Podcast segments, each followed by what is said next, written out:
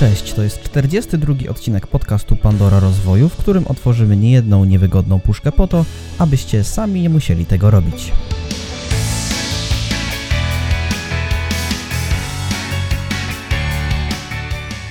W dzisiejszym odcinku porozmawiamy o skoku ze spadochronem, a także porozmawiamy o odwadze, motywacji i radzeniu sobie z lękami.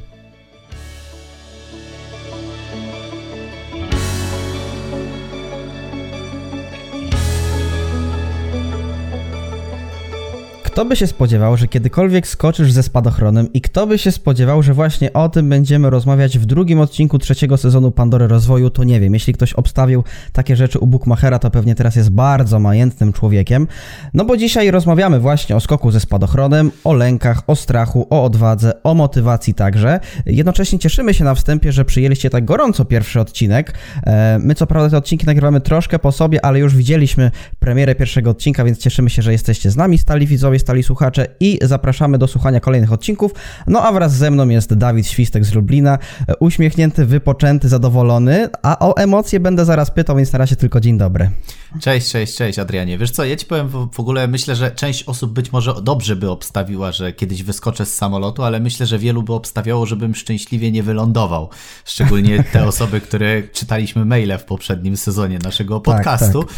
Niestety mhm. muszę ich zmartwić, już jest po wszystkim. Wylądowałem, wyskoczyłem i wszystko wydarzyło się bez najmniejszych problemów, więc no, nie dałem wam powodów do radości, ale myślę, że innym osobom sam mój skok i doświadczenia oraz wnioski, których jest myślę bardzo dużo po tym skoku, będzie też kolejną cenną wiedzą rozwojową, biznesową, a może nie tylko, ale myślę, że da też poszerzenie takiej pewnej perspektywy na to, czym to jest, bo dużo czytałem w internecie przed tym, zanim, wiesz, wybrałem się na ten skok i myślę, że wielu rzeczy tam nie było powiedzianych, które myślę, że są kluczowe i być może, mam też taką nadzieję, że po tym podcaście ktoś się zdecyduje sam skoczyć, bo naprawdę takie doświadczenie może zmienić nie tylko nasze życie prywatne, ale myślę, że również biznesowe, bo dużo z tego można dla siebie wyciągnąć.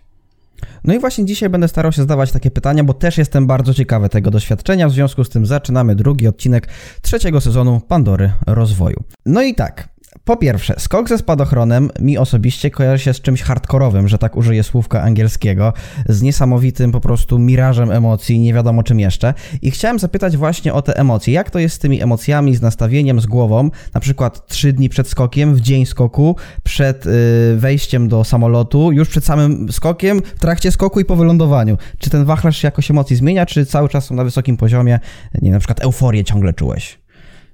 Wiesz co, to jest w ogóle bardzo dobre pytanie, ponieważ ja sobie uświadomiłem, że tak naprawdę skok ze spadochronem nie różni się niczym innym od wielu innych ważnych wydarzeń w naszym życiu. Przykładowo, jeżeli mam jakieś ważne wystąpienie, to też te emocje się zmieniają wraz z kolejnym dniem, im bliżej danego bodźca, danego wydarzenia. Jeżeli ktoś bierze ślub, no to rozmawiając z osobami, które już mają to ze sobą, ja na szczęście jeszcze nie, albo Bogu dzięki, albo nie wiem, ciężko stwierdzić. Niemniej jednak. Yy, jeszcze mam to przed sobą, ale rozmawiając z osobami wiem, że też im bliżej danego wydarzenia, im bliżej ślubu, tym te emocje też się zmieniają. Mhm. I dokładnie tak samo było ze, ze jakby skokiem, ze spadochronem, ponieważ na kilka dni przed był totalny luz, w sensie bardziej czysta taka ciekawość, w ogóle fajnie, że to zrobię, taka wiesz, ekscytacja, takie bardziej może delikatne podniecenie, że zrobię coś innego, coś fajnego, coś nietuzinkowego w swoim życiu, co wiesz, jednak za parę lat mam nadzieję, że będę bardzo miło wspominał, e, że się odważyłem, a nie, że powiedziałem, że nie, bo coś tam szukałem wymówek. Natomiast wiesz, samo to oglądanie jakichś tam filmików, bo wcześniej wszedłem na jakieś tam YouTube i sobie oglądałem, no to to było ciekawe, ale nie było to dla mnie tak podniecające, jak już zbliżałem się bliżej tego dnia finalnego. Pamiętam, że wieczór przed był taki bardzo kulminacyjny, bo sobie uświadomiłem, że następnego dnia wieczorem będę leżał w tym samym łóżku i już będę po, albo nie będę leżał w łóżku może w innym miejscu. I wiesz, tak zaczęły się właśnie pojawiać jakieś takie dziwne myśli i wiesz, mózg zaczął tworzyć różnego rodzaju scenariusze. Co mhm. by mogło się wydarzyć, a co by było gdyby. No i w momencie, kiedy już wstałem rano i wiedziałem, że już trzeba się zbierać, bo to musiałem jechać z Lublina do Piotrkowa Trybunalskiego prawie 3 godziny, znaczy ponad nawet 3 godziny, e, więc miałem kawałeczek i sam moment poranka był taki ciekawy, bo czułem się rzeczywiście, że coś dzisiaj się fajnego wydarzy, taka ekscytacja i lekki stresik zaczął się pojawiać. W momencie, kiedy już jechałem, no to wiadomo, muzyczka w samochodzie jakoś tak byłem w miarę wyluzowany i też skupiałem się na drodze, więc nie było aż tak zbytnio przestrzeń, żeby myśleć, ale jak dojechałem na miejsce, Zacząłem ten hangar, tych wszystkich ludzi, e, te lecące już spadochrony z poprzednich lotów, e, wiesz, te samoloty, ten hałas, to wszystko, ten cały taki, tą całą otoczkę, no to pojawił się lekki stresik, wiesz. Pierwsze co mhm. zobaczyłem, jak wszedłem w ogóle do hangaru, że była tam na środku, pamiętam, taka grupa mężczyzn, która ćwiczyła te układy w locie. Potem robili chyba w 8 osób i ćwiczyli właśnie jak mają zmieniać jakieś te figury, które są, wiesz, jak skaczą wszyscy, nie? Mhm, Razem. I ja mówię, ojej, to, to zaczyna być poważnie. Widziałem te wszystkie kombinezony, jakieś oświadczenia, czy kogo poinformować po wypadku, wiesz. I ta, cała ta otoczka, patrzę, że jakieś szkolenia tam przygotowują tych ludzi, jak lądować, czego nie robić, jakieś pozycje ćwiczyć. I mówię, kurczę, to zaczyna być poważnie, czyli to nie jest takie for fun, przylatujesz, piąteczka, wsiadasz i skaczesz, tylko jednak całe to przygotowanie, te procedury, to jest naprawdę coś poważnego. No i wiesz, i potem spotkałem mojego instruktora, zaczęliśmy rozmawiać i wraz z czasem ten stresik zaczął opadać. Im więcej zadawałem pytań, więcej się dowiadywałem, im poczułem tą atmosferę panującą w hangarze, to takie podniecenie, oczekiwanie, piąteczki, ludzi zadowolonych po przylotach, którzy wchodzili do hangaru, żeby ściągnąć y, ten cały spadochron. No i wtedy już się pojawił taki, taki stan takiej delikatnej ekscytacji, ale nie stresu. I ta ekscytacja rosła do samego momentu, aż już szedłem na samolot. Jak wchodziłem do niego, to czułem już takie naprawdę podniecenie, jakbym miał zaraz odebrać, nie wiem, jakąś wielką nagrodę na dużej scenie. Tak czułem, po prostu takie mhm. podniecenie. -hmm. W samym samolocie, jak już zaczęliśmy startować, na 3000 metrów około pojawił się taki lekki stresik, bo wtedy usłyszałem takie zdanie od mojego instruktora: weź sobie teraz kilka głębokich wdechów, bo na 3000 już jest mniej tlenu. A ja wiedziałem, że skaczemy na ponad 4000, więc mówię, okej, okay, czyli co tam, nie ma tlenu? Tak wiesz, pierwsza myśl, wiesz, mózg automatycznie stworzył jakąś dziwną wizję, że będę się dusił, wiesz, czy coś w tym -hmm. stylu. E, I wtedy pojawił się taki przez chwilę moment takiego, zacząłem oddychać, wiesz, wentylacja, wszystko i mówię, kurczę, to ciśnienie, chłód, hałas, to wszystko i nagle, o, chyba coś się zaczynam stresować. Ale potem, jak już lecieliśmy na te 4000, jak już zaczęliśmy się dopinać, jak już widziałem, że tam wszyscy się, wiesz, pozdrawiają, tam są takie, wiesz, mają takie charakterystyczne swoje pozdrowienia. Nie pokażę tego, bo, bo nie pamiętam dokładnie, jak to wyglądało, ale to było takie bardzo przyjemne, jak ze wszystkimi się jakbyś witał, ale jednocześnie żegnał. Chociaż to żegnam, to tak nie, być może nie na miejscu, no nie? Ale, ale w sensie, że życzyli sobie powodzenia, żeby wszystko poszło sprawnie, no bo jednak to jest spadochron i on może się nie otworzyć, on może się zakręcić, mogą się wydarzyć różne rzeczy. Więc życzyli sobie powodzenia. I w momencie, kiedy otworzyła się ta klapa z tyłu, bo skakałem z takiego, gdzie skacze się z tyłu, jak taki, wiesz, komandosi w filmach, to było w ogóle fajne, no to jak zobaczyłem tą przestrzeń, te chmury, to pierwsze to było takie uderzenie zimna, w ogóle, wiesz, prędkości tego wszystkiego i potem pojawiła się totalna już obojętność. W sensie wiedziałem, że cokolwiek bym nie chciał sobie, przynajmniej ja tak miałem, że cokolwiek bym nie chciał wymyśleć, cokolwiek bym chciał stworzyć w swojej głowie, to nie jestem w stanie tego pojąć jak to wygląda, kiedy widzisz tą przestrzeń w lecącym samolocie, bo samolot do tej pory kojarzył mi się z wygodnym fotelem, yy, ich tylko chmurkami za małym okienkiem, a tu po prostu ja je widziałem na żywo, wiesz, i wiedziałem, że za parę chwil ja w nie wskoczę. Chociaż brzmiało to w tamtym momencie dla mnie totalnie abstrakcyjnie, ale wiedziałem, że to się po prostu wydarzy. I wiesz, i w momencie, kiedy już stałem i wiedziałem, że za paręnaście sekund już będę tam, w tej przestrzeni, to był to, to po prostu mój mózg, tak jakby podczas medytacji, totalnie zero myśli. Jakby to wszystko się wyłączyło, kompletnie. Czysta karta, biała, nic. Ja już wiedziałem, że tylko mam się trzymać, dostałem instrukcje i tylko o nich pamiętałem, nie? A cała reszta już nie miała znaczenia, wiesz? I potem jak już polecieliśmy, no to już był cały ten skok, cała adrenalina, wyrzut po prostu yy, i już była ta takie flow, nie? A podczas lądowania czuć nogi z waty, czy nie? Bo, bo ja nigdy nie doświadczałem. Nie, wiesz co, znaczy y, wydaje mi się, że to wszystko zależy, tak jak powiedziałeś, od samego nastawienia, bo wiele rzeczy tak jest. Niektórzy jadą samochodem i się boją, niektórzy nie. Jedni wychodzą na scenę i się nie boją, a drudzy wręcz paraliżujący strach, wiesz, w całym ciele, tak?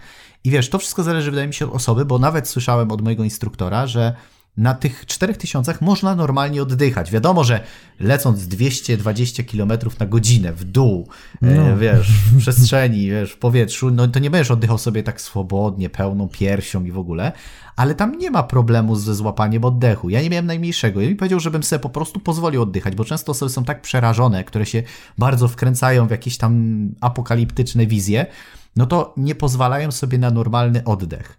I to, to jest w głowie, nie w fizyce, tylko w ich po prostu głowie, nie?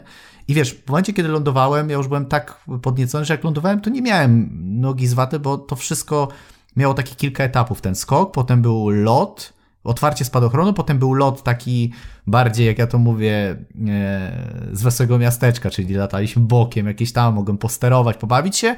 No i potem trzecia faza to już podchodziliśmy do lądowania, czyli ja spokojnie nie ruszałem się, on tam po prostu zniżał pozycję, żeby w odpowiednim momencie wylądować, bo to też jest istotne y, przy, ty, przy tylu skokach, żeby w jednym czasie kilka osób nie lądowało żeby nie było kolizji, bo tam jest określony pas, gdzie trzeba lądować i też są osoby na dole, które łapią spadochron. W momencie, kiedy już my dotkniemy ziemi, to one tam podbiegają z boku i trzymają ten spadochron, żeby nas z powrotem nie zawiało do góry, wiesz o co chodzi?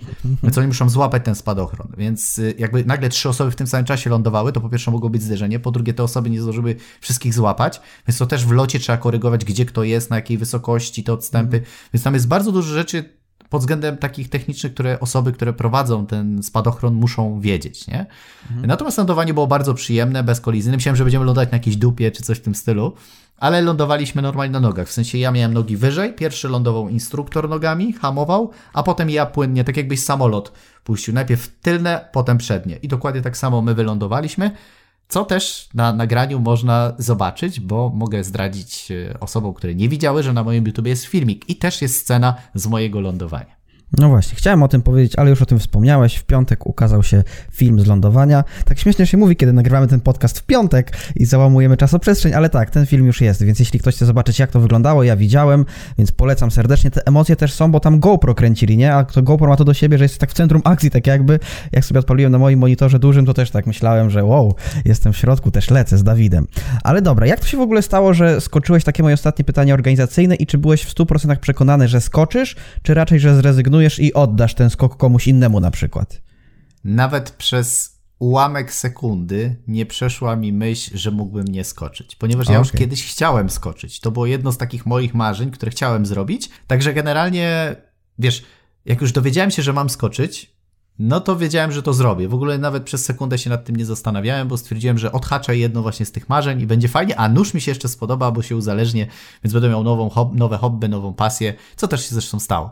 Natomiast wiesz, ja dostałem to, ten skok od moich uczestników szkolenia w ramach podziękowania za super warsztat, który zrobiłem. Więc wiesz, to był ostatni dzień, pamiętam, sześciodniowego szkolenia z wystąpień publicznych. Oni nagle przychodzą, dają mi, wiesz, pampersa w, takim, w takiej torebce prezentowej i do tego w środku voucher i ja patrzę na ten voucher, tam skok ze spadochronem, nie? I ja mówię, ale czad, kurczę, fajnie. No i wiedziałem, że jak skakałem, to przede wszystkim wiedziałem, że nie skaczę tylko sam, ale skaczę z nimi. Wiesz, to tak czułem troszeczkę, że oni będą oglądać to, co zrobiłem. Wiedziałem, że chcieliby, żebym to zrobił, bo to też był prezent, więc głupio by było powiedzieć, że nie. Więc ta motywacja, ta adrenalina, to taka odpowiedzialność też była trochę większa niż gdybym sobie to sam kupił i wiesz, gdzieś tam pojechał. Także jestem im bardzo wdzięczny za to, że w ogóle taki prezent mi sprawili, bo okazało się finalnie, że to było jedno z fajniejszych doświadczeń, o ile nie najfajniejsze, a myślę, że najfajniejsze doświadczenie w ogóle w moim życiu, bo taki przekrój e, perspektywy, emocji, doświadczeń, myśli, w ogóle przeżywania pewnych rzeczy, ekscytacja, przede wszystkim adrenaliny, nie widziałem żadnej innej rzeczy i niektórzy boją się panicznie wystąpień publicznych, wiesz, jak wchodzisz przed 2000 osób, duża scena. Jest to duży poziom adrenaliny, żeby się zmierzyć z tymi, wiesz, demonami lęku przed e, oceną i tak dalej. Natomiast wydaje mi się, że skok ze spadochronem jest czymś dużo bardziej przejmującym dla mnie. Być może zmienię zdanie, jak skoczę 35 raz. Natomiast na dzień dzisiejszy było to takie doświadczenie, które nie było porównywalne z żadnym innym doświadczeniem do tej pory. Mhm. I teraz krótko, tak czy nie? Czy będziesz robił te papiery na instruktora, żeby móc samemu lecieć? Myślę, że na instruktora, żeby móc skakać z kimś innym, to jest jeszcze długa droga, ale na pewno zrobię taki kurs, żeby mógł skakać sam. Okay, w takim okay, sensie. Pierwsza okay. kolejność to jest taka, żeby móc skakać samemu, bo ja skakałem w tandemie, czyli z instruktorem, który mnie prowadził. Potem druga kolejność jest taka, że ty już skoczysz sam i dopiero po zrobieniu tam określonych nie wiem nawet ilu, ale dużo pewnie ilości skoków, możesz robić tego instruktora, żebyś ty mógł zabierać kogoś do tandemów. Natomiast to jest dłuższa już droga, bo na przykład mój instruktor, z którym skakałem, miał ponad 7 tysięcy skoków w swojej 40-letniej karierze skoczka, więc jest to ogrom naprawdę doświadczenia i ja się czułem naprawdę bezpiecznie. W sensie nie, nawet przez sekundę nie miałem takich wątpliwości, że on wie, co robi, nie? Mhm. To jednak 7 no bo... skoków to jest tak jak wiesz, jak ja wchodzę na scenę po raz tysięczny nie? i robię prezentację, więc to doświadczenie wiem, że robi robotę. No I, tak. I miał w swojej karierze kilkanaście albo nawet kilkadziesiąt sytuacji, w których ten spadochron się nie otworzył prawidłowo, więc wiedział co zrobić, poradził sobie z tym, więc nawet takie sytuacje, gdyby się wydarzyły, to czułbym, że on wie co robi w danym momencie i raczej mhm. by nie było paniki, nie? No tak, tak, tak. Tutaj doświadczenie dużo robi. W chmurach pewnie widział wszystko, nawet ptaki tak latające.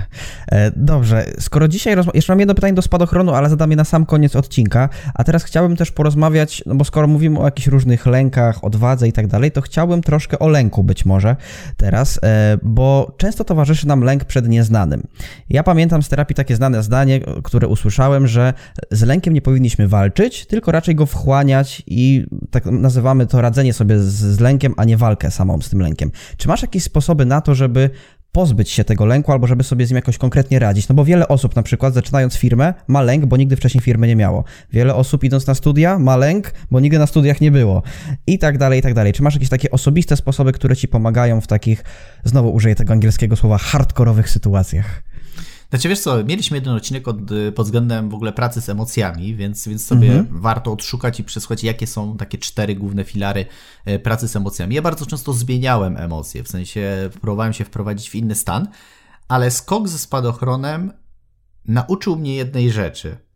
Że tak jak powiedziałeś, nie tyle walczyć z jakimś lękiem, co przede wszystkim pozostać totalnie obojętnym względem tego, co się ma wydarzyć. W takim sensie, że nasz mózg ma taką tendencję do tego, że jeżeli czegoś nie zna albo czegoś się boi, to musi stworzyć jakiś scenariusz, żeby przygotować jakieś ewentualne rozwiązanie.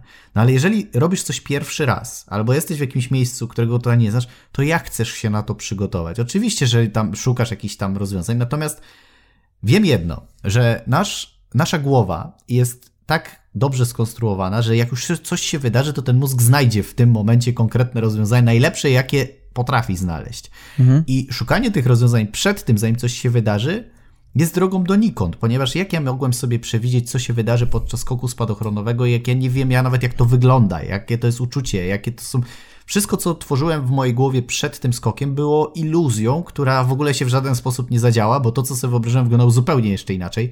Bo ja myślałem, że będzie mi niedobrze, będę wymiotował, w ogóle wiesz, to jest zupełnie coś innego. Tego się nie da porównać do momentu, aż ktoś nie skoczy. Jeżeli chodzi o biznes, dokładnie tak samo jest. Jeżeli robisz jakiś projekt, i nie wiesz, co się może wydarzyć, to po prostu działaj i skupiaj się na, na, następnym kroku.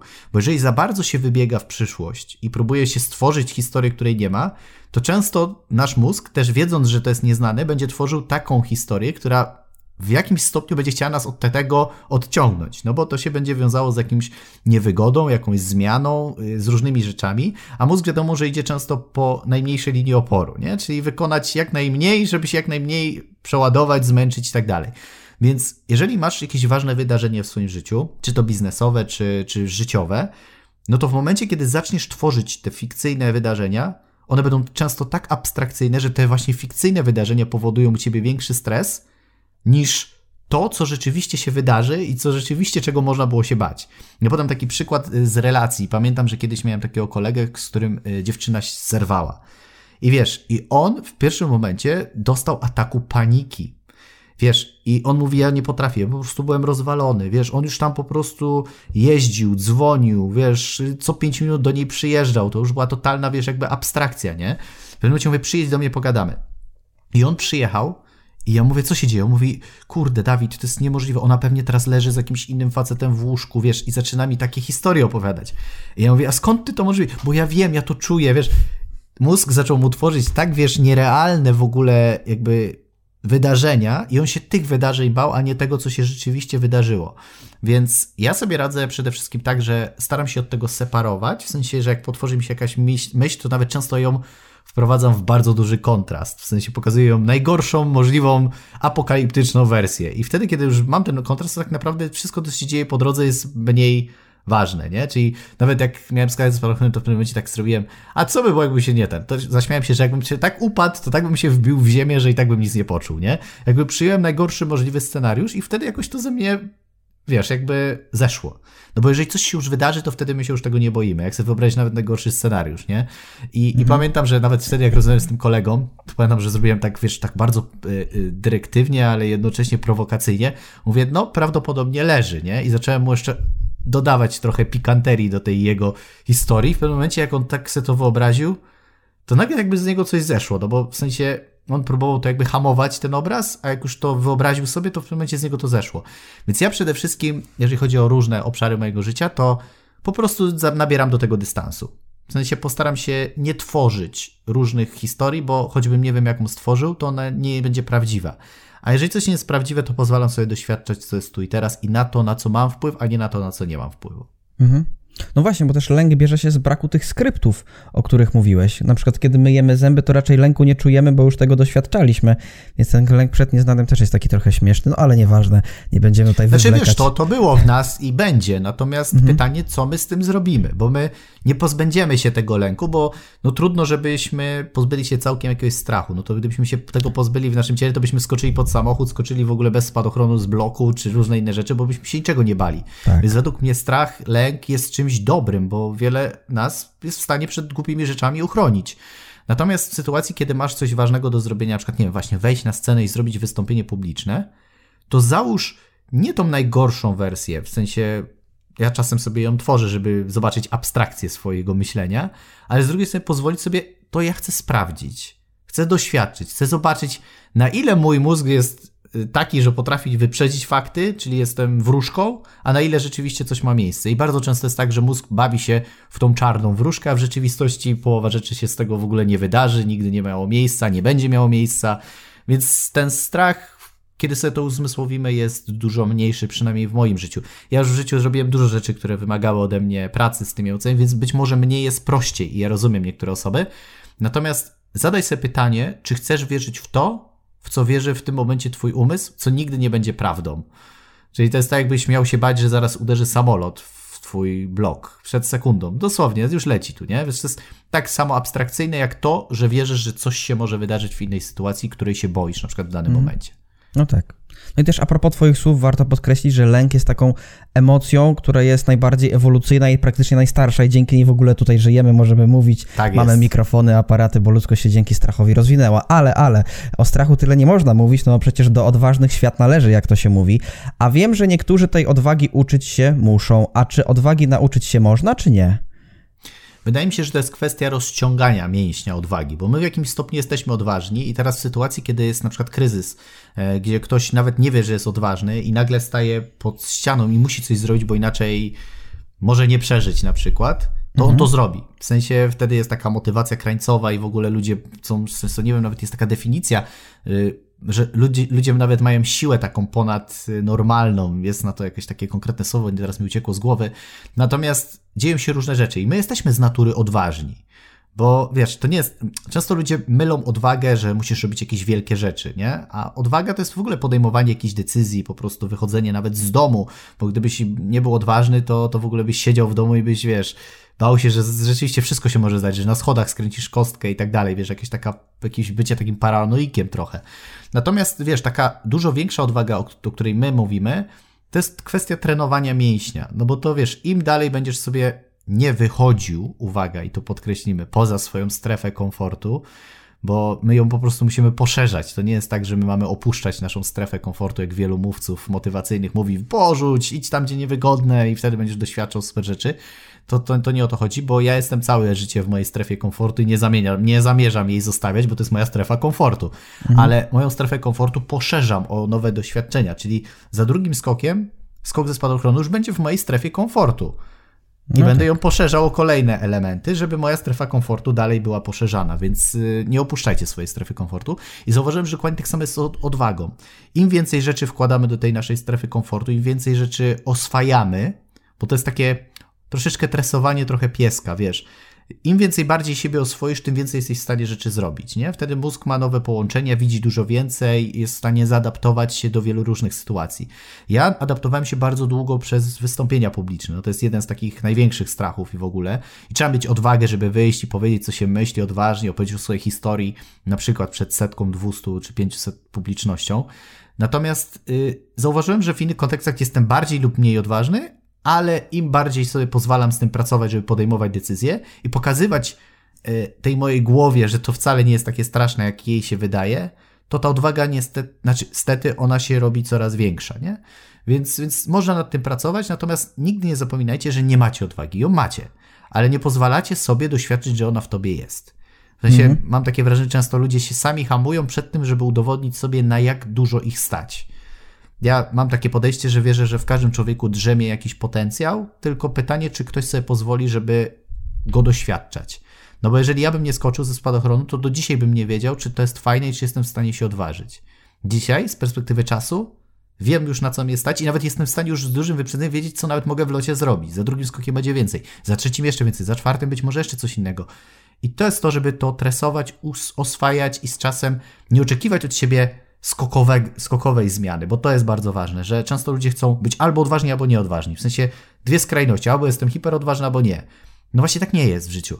Życie to jest podejmowanie skokowych, takich małych decyzji, które cię rozwijają, nie? Czyli jak idziesz na siłownię, to nie od razu 100 kilo, tylko 50, 60, 65, skokowo się rozwijasz i nagle po roku widzisz, kurczę, ale mam ładną sylwetkę, ale fajnie wyglądam i w ogóle. To nie dzieje się nigdy skokowo. Tak samo budowanie relacji, tak samo robienie biznesu, to nie jest robienie w tydzień. Wszystko wymaga pracy, tak samo z odwagą. Daj sobie mały element. Pierwszą rzecz, czego się boisz, na przykład nie wiem, czy potrafisz powiedzieć komuś odważnie o swoich potrzebach w, w życiu. Jeżeli ktoś ci się nie podoba, czy potrafisz mu powiedzieć, że to mi się nie podoba, nie zgodzę się, czyli bycie asertywnym. Zrób takie małe kroki, a potem jakieś większe w stylu właśnie skok ze spadochronem i tak dalej, i tak dalej. Też a propos tego, co mówiłeś, wpadłem na kolejną genialną teorię psychologiczną, ja, Adrian Rajczakowski, bo sobie pomyślałem o wystąpieniach publicznych. Ja na przykład zawsze byłem wypychany podczas apeli szkolnych i tak dalej, więc ja przespałem moment strachu, bo większość ludzi nie występuje nigdy, a potem nagle zaczyna występować i się boję. Ja na każdym apelu występowałem, potem wiesz, jakieś większe imprezy i tak dalej i po prostu przespałem moment, w którym mam się bać wystąpień publicznych, więc myślę, gdyby tak, tak każde dziecko wypychać, i narażać Ale słuchaj, ja podczas no. sześciu dni, jak robię warsztaty z wystąpień publicznych, to ludzie pierwsze ćwiczenie, które robią, mhm. to stają przed ludźmi, nic nie mówią i patrzą przez minutę im tylko w oczy. Okej. Okay. Wiesz, a ostatnie mhm. ćwiczenia potrafią śpiewać, rapować, gestykulować przed tymi samymi ludźmi po sześciu mhm. dniach, nie? Mhm. I wiesz, i to też sukcesywnie im ten mięsień jakby rozciągam, nie? Czyli najpierw w ogóle sprawdzamy, na co jesteśmy w stanie, wiesz, z ciałem i ten mięsień naszego mózgu po prostu sukcesywnie poszerzam im tą granicę, nie od razu wychodź i gadaj, bo w tym momencie wiadomo, bo był krok wstecz, tak? Mhm. Więc wiesz, jakby mi ktoś pierwszy skoczył, nie wiem, Dawid skocz z 10 tysięcy ze spadochronem Samso, no to nie wiem, w ogóle bym pewnie do samolotu nie wskoczył, ale wiedząc, że mam instruktora i tak, czyli krok po kroku oswajasz się z tym. I tak samo jest właśnie z tym lękiem, nie? Że nie bójcie się robić tego malutkiego kroku. Nie oczekujcie od siebie dużych kroków, małe, ale te małe robione krok po kroczku nagle sprawią, że ten jeden duży krok się szybko zrobi. Więc to jest myślę istotne, jeżeli chodzi o pracę z emocjami i podejmowanie ważnych decyzji w swoim życiu. I to nieważne, czy to w biznesie, czy to w życiu prywatnym. Okej. Okay. I jeszcze mam takie jedno pytanie odnośnie motywacji. Ja wiem, że o motywacji dużo mówiliśmy w przeróżnych odcinkach, ale nie mówiliśmy nigdy chyba o motywacji do nowych rzeczy, bo mówiliśmy o motywacji takiej ogólnej, pamiętam treść, forma to wyróżniałeś zawsze. E, no i chodzi mi o to, że na przykład kiedy my się chcemy odchudzić, no to to jest taka motywacja zupełnie inna niż motywacja na przykład założenia biznesu, bo odchudzać się pewnie już w życiu nieraz się odchudzaliśmy, wiemy z czym to się je, dieta plus na przykład ćwiczenia. A w przypadku prowadzenia biznesu znowu brakuje skryptu, więc skąd wziąć wziąć tą motywację właśnie do tego działania. Znaczy wiesz co, ja uważam, że jak się ma mocne why, to jest być może takie dziwne, wiesz, amerykańskie, znajdź swoje why, czy coś w tym Start stylu. Why. Natomiast jeżeli wiesz po co to robisz, to nie musisz się motywować. W takim sensie bardzo często ludzie szukają powierzchownych progów motywacji. W takim sensie, że chcę mieć biznes, bo chcę mieć kasę. Ktoś tam, a chce iść na siłownię, bo chce zrobić, nie wiem, klatę na wakacje, nie? I to jest takie krótkoterminowe. To jest takie, że to szybko jesteś w stanie nawet poczuć w jakimś tam stopniu i to nie buduje długofalowego. Wiesz, ja jestem y, zwolennikiem szukania głębszych powodów motywacji, ale takich dużo, dużo głębszych, nie? Taki core feelings. I wiesz, kiedy ja na przykład rozmawiam często z ludźmi, ktoś mówi, chciałbym założyć firmę, bo chciałbym mieć pieniądze. A ja mówię, okej, okay, ale jak już będziesz miał te pieniądze, to co wtedy? No i ktoś mówi, no wiesz, wtedy bym na przykład czuł się taki bardziej bezpieczny. Mówię, o, a po co ci poczucie bezpieczeństwa? I wiesz, i nagle schodzimy niżej, niżej, niżej, i w pewnym momencie jest taki zawsze magiczny moment, w którym ktoś coś mówi i jest takie. A, ja już wiem po co mi to. Czyli te wszystkie takie ugóry, takie wiesz, prozaiczne powody, dla których my robimy, często one nie są naszymi właściwymi powodami, dla których my coś chcemy zrobić. W momencie, kiedy znajdziesz ten głębszy powód i zaczniesz szukać, szukać, szukać wewnątrz siebie, to nagle okazuje się, że jak to wiesz, to tak naprawdę już się nie musisz stymulować, bo na przykład ja prowadząc biznes doskonale wiem, jakie są moje wewnętrzne, głębokie powody i nie chodzi tylko i wyłącznie o zasięgi, fame i kasę. Są inne cele, które realizuję poprzez na przykład działanie biznesowe, są inne w moim życiu prywatnym, są inne poprzez na przykład pracę z moim ciałem, bo w ostatnim czasie na przykład ja też znowu wróciłem na dietę, zacząłem ćwiczyć z trenerem, porzuciłem kompletnie alkohol, zmieniłem totalnie, przetransformowałem swoje życie, i wiem po co to robię, ponieważ ja na przykład lubię uczyć siebie, w sensie poznawać siebie. Ja jestem taki właśnie, jak troszkę Steve Jobs mówił, bądź nienasycony.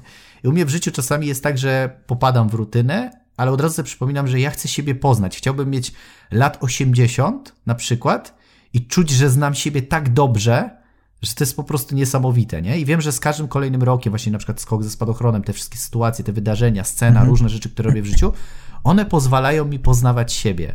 W sensie, a to jest tak głęboka podróż i tak długa podróż, żeby siebie ciągle odkrywać i widzieć tą zmianę w sposobie myślenia. Bo jak często robię sobie porównanie, jak myślałem 10 lat temu, jak myślę dzisiaj, jak patrzę na te same sytuacje, jak oceniam pewnych ludzi inaczej zupełnie na perspektywie, z perspektywy czasu. I to jest fajne, jak widzisz ten swój progres, bo często ludzie przechodzą obok swojego życia tak biernie, nie?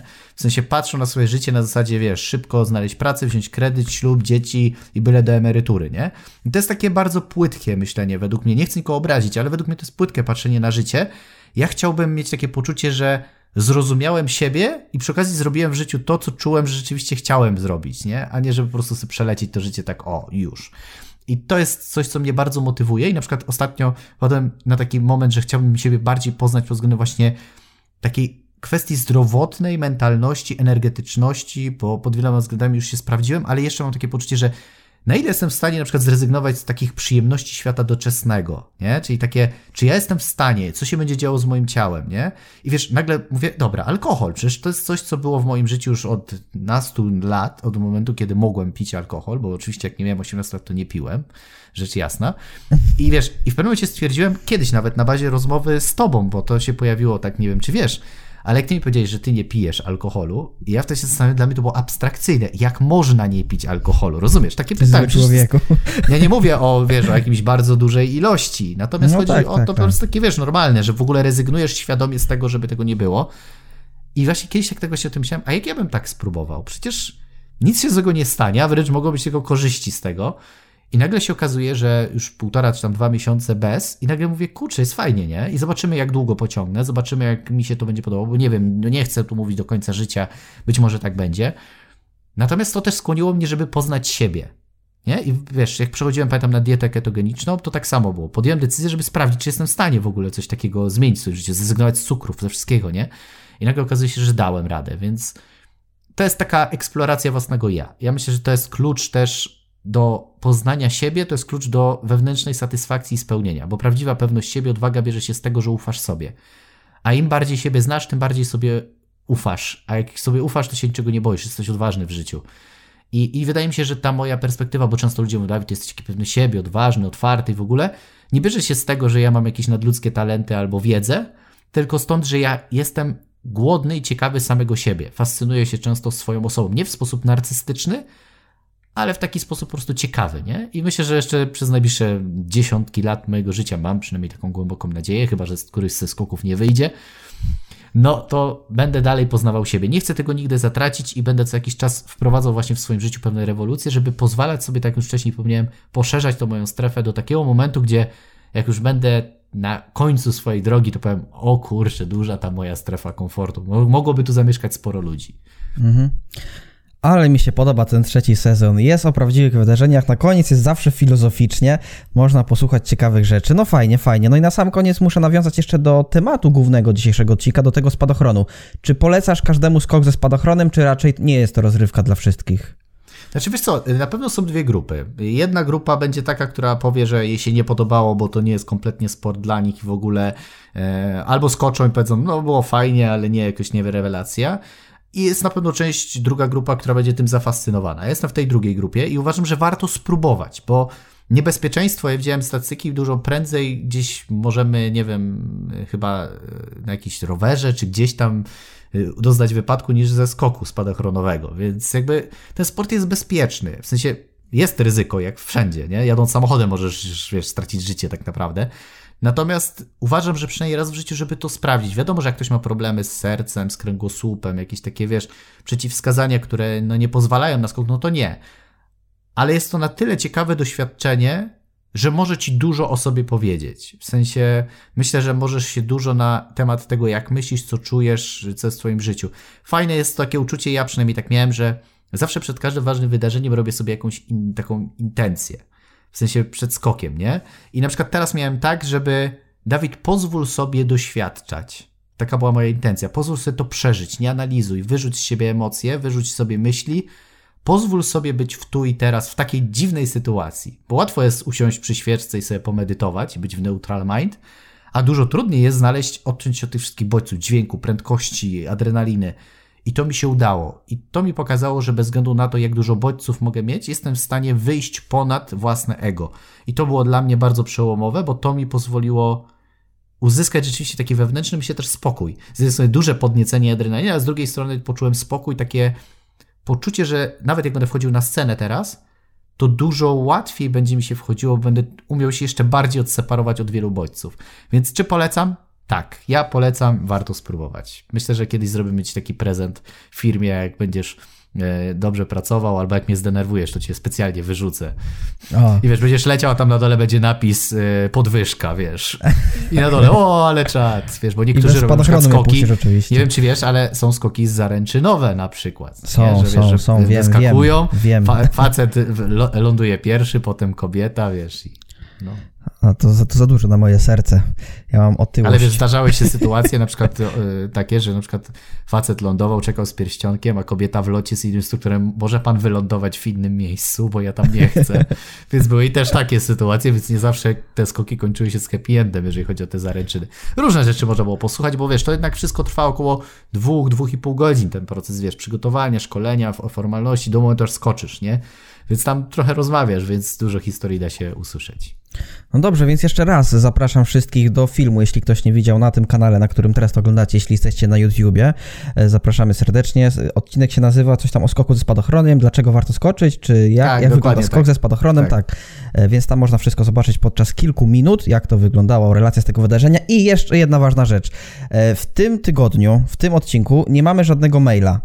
Z tego względu, że nagrałem ten odcinek bardzo szybko po premierze pierwszego odcinka.